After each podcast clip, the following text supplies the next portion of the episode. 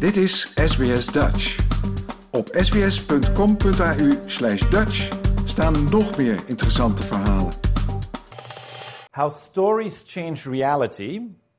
And there's two particular cases that I want to touch on uh, that I think are relevant to all of us uh, in this day and age uh, climate change and social conflict. But before I begin, uh, I'd like to go back to the beginning. This is the only Dutch you'll probably see in this entire lecture, so for those who are not uh, native speakers, you should be fine. This is a relatively accurate translation, even though I made it myself. So I went back to, uh, to Kleveringa's actual speech, which is published, and he writes that uh, he would like to start his, his address, his original lecture, with an almost simple introduction, the bijna simpele inleiding. Zouden wij niet eens beginnen met na te gaan wat het ertoe doet of wij de fictieleer de realiteitsleer aanhangen? In other words, uh, shouldn't we just you know, start by considering how it matters whether we adhere to fiction doctrine or the doctrine of reality? And that's literally exactly what I would like to do. Let's do that. Let's start there. Now, we're going to go further back in time before we're going to come to the present day. Stories have the power to change people's attitudes towards rights, freedom, and responsibility. Zo begon universitair hoofddocent narratologie aan de Universiteit van Sydney, Tom van Laar, maandagavond zijn Kleveringa-lezing. Het was voor het eerst sinds de COVID-19-pandemie dat er in Sydney weer zo'n lezing georganiseerd werd. En het was een van de 80 lezingen wereldwijd ter ere van professor Rudolf Kleveringa. Die gaf op 26 november 1940 een zeer historische speech op de Universiteit Leiden, wat leidde tot protest onder de studenten tegen de Duitse bezetters. Dankzij het programma Big Idea van ABC Radio National kunnen we u nu een paar korte fragmenten laten horen uit de lezing van professor Van Laar. En wij waren er natuurlijk zelf ook bij. Dus hoort u ook een reactie van Tom van Laar zelf. We hebben een gesprekje met ambassadeur Ardi Strojos-Braken en we paalden de reacties onder de bezoekers. Wat hebben zij nou opgestoken van deze lezing? While somebody is in the story world, they are not here, at least not mentally. And that creates this separation between the here and the there, or between the narrative world and the world of origin.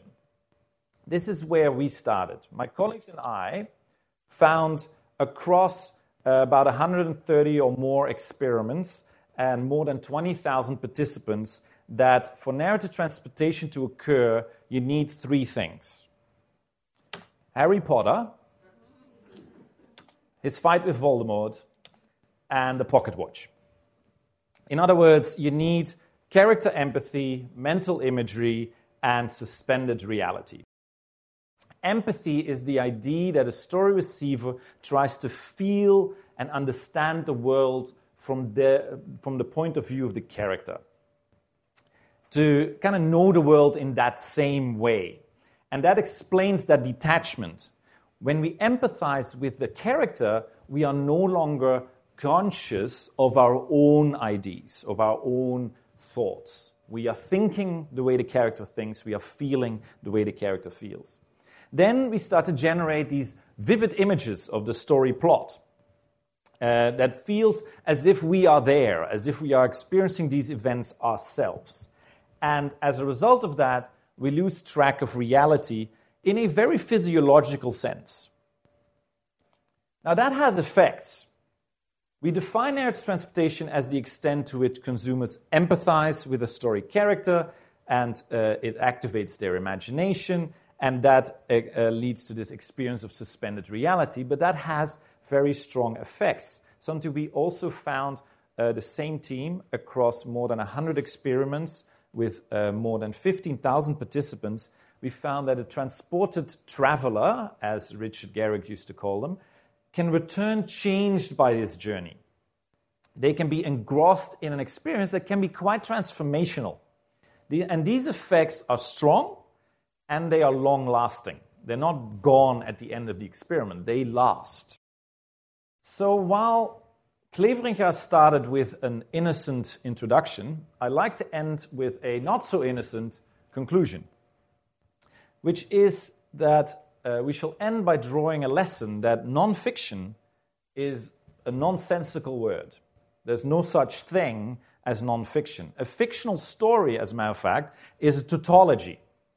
Because a story always has some edited elements. And that moves it away from objective reality. Given the implications of stories for reality, however, there is nothing less innocent than a story. Thank you very much. Nou, Tom, het zit erop. Yes. Uh, sorry, ja.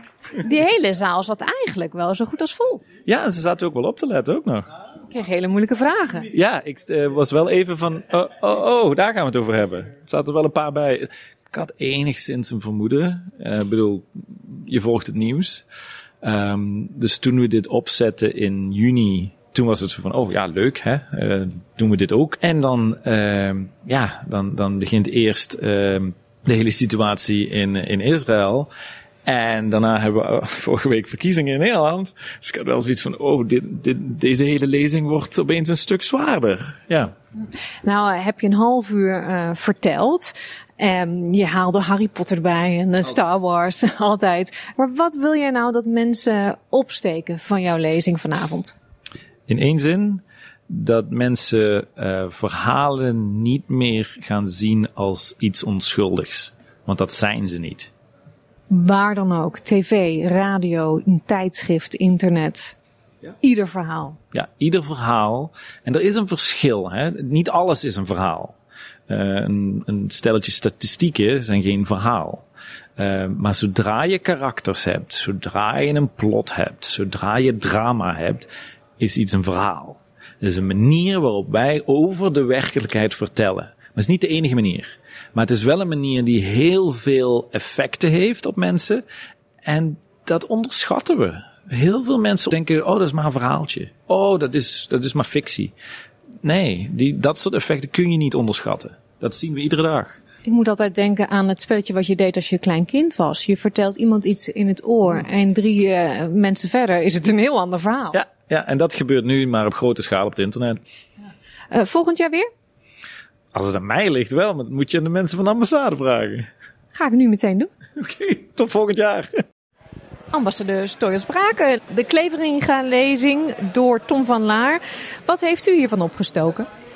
Nou, ik moet zeggen dat ik het nog heel erg moet laten bezinken. Um, vooral eigenlijk um, nou, heel veel vragen van hoe, hoe moet het nog goed komen als, als stories zo'n enorme impact kunnen hebben op hoe mensen zich uh, gedragen. vind ik eigenlijk best beangstigend. Dus ik, ik wil het eigenlijk vooral nog een beetje laten bezinken en, en daar verder in mijn hoofd uh, over nadenken. Dit is natuurlijk iets vanuit Universiteit Leiden. Ik heb begrepen dat ook een linkje met Leiden is er nu.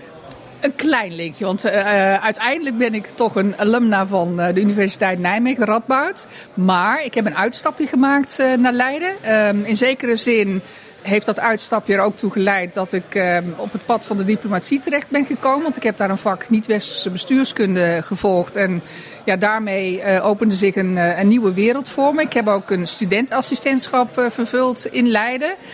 Uh, dus ja, een heel klein beetje leidenaar voel ik me dan uh, ook wel. Maar ja, mijn alma mater is toch echt uh, Radboud Universiteit Nijmegen. Maar in die tijd in Nijmegen, was Kleveringa toen iets? Of is dit als student u ook helemaal eigenlijk een beetje langs u heen gegaan?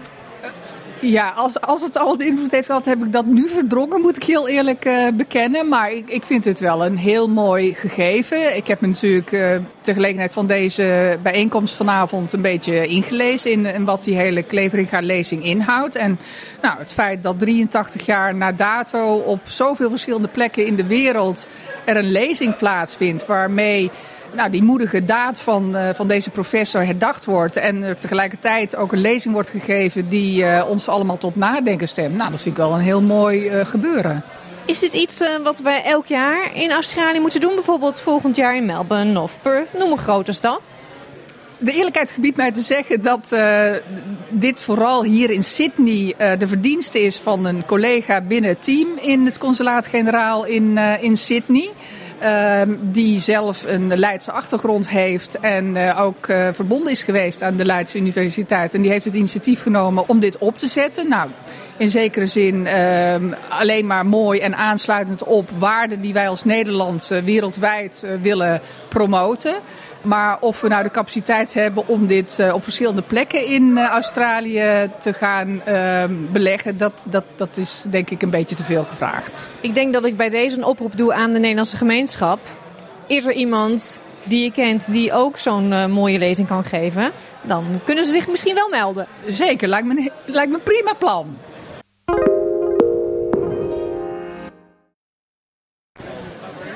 Guys, what brought you here tonight? Um, I'm in a student of English literature, so I thought it would be interesting to listen to his lecture on narratology and the power of narratives. So I'm on a gap year right now, but I'm studying history uh, in the UK. Um, I was quite interested in the concept of narratology. I'd never really heard of it before, so I was like, you know, interested to find out what kind of message was and such. Yeah. So, Professor van Laar's um, lecture, what did you think about that? I think his lecture confirmed some ideas I already had because I'm a student of English literature, so I'm pretty familiar with how we justify the importance of narratives, not just in English studies, but for the general public as well. So I think he articulated it very well.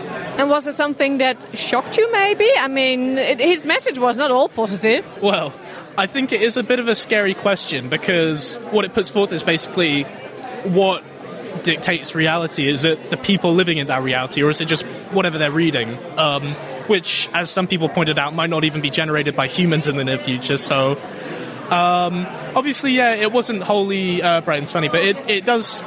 It, it's food for thought, I guess. It's a lot of a lot of interesting things to think about. Professor Kleveringa was, was een docent van mijn vader. In, uh, in Leiden voor de oorlog. Mijn vader was jurist en uh, is in 1939 uh, eh, afgestudeerd. En daar, daarom wist ik ook over deze professor Klevinga. Want uw vader heeft over hem verteld ook? Ja, heeft over hem verteld. En was dat vol passie of bewondering? Ja, vol, uh, vol passie natuurlijk. Hè. En uh, het, was, uh, het was een hele moeilijke tijd in Nederland. In 1939.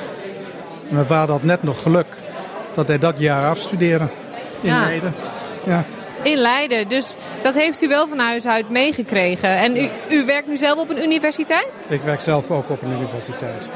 En wat vond u van vanavond? Ik vond, ik vond het een fantastische lezing. En uh, het, het is een onderwerp waar ik, waar ik eigenlijk heel weinig over wist. Maar het is, het, is zo van, het is zo toepasselijk op dit moment. Want vele mensen ja, ik bedoel, we, we, hebben influencers, we hebben social media, we lezen van alles en nog wat. We vormen daarover onze eigen opinies. En het belangrijke eigenlijk van een lezing zoals vanavond is dat mensen kritisch denken kunnen en hun eigen mening kunnen vormen. En gebaseerd op feit en gebaseerd op, uh, op kritisch denken dat was toch wel schokkend, vond ik. Want volgens professor Van Laar is het heel moeilijk om alleen maar feiten tot je te nemen. Want alles wat verteld wordt of opgeschreven wordt, dat wordt opgeschreven, dat is toch een verhaal. Alles is een verhaal. Maar het is, hier komt het natuurlijk weer op neer op, op scholen en universiteiten. Dat mensen eigenlijk, um, ja, kinderen moeten natuurlijk leren kritisch denken. En ze, ze krijgen een verhaal en ze leren een, en, en ze lezen een verhaal of ze horen een verhaal. En uh, uit dat verhaal moeten ze eigenlijk ja, niet alleen hun eigen opinies vormen, maar moeten ze eigenlijk moeten ze goed hierover kunnen nadenken. Wat is reëel en wat, wat is reëel en wat is, wat is niet echt. En wat, is, uh, wat kan ik hier vertrouwen en wat kan ik hier niet vertrouwen. What brought you here tonight? Uh, the Clevering lecture, because the um, his statement, uh, his lecture in the in 1940 was so important, but also the uh, the subject matter about um, what's fiction, and what's non-fiction, and how how how we know the truth and how we don't know the truth, and how things are presented. I, I, I think one of the interesting things is the you know the populist demagogues who who are very influential in politics. So they have they have a narrative and they tell a story.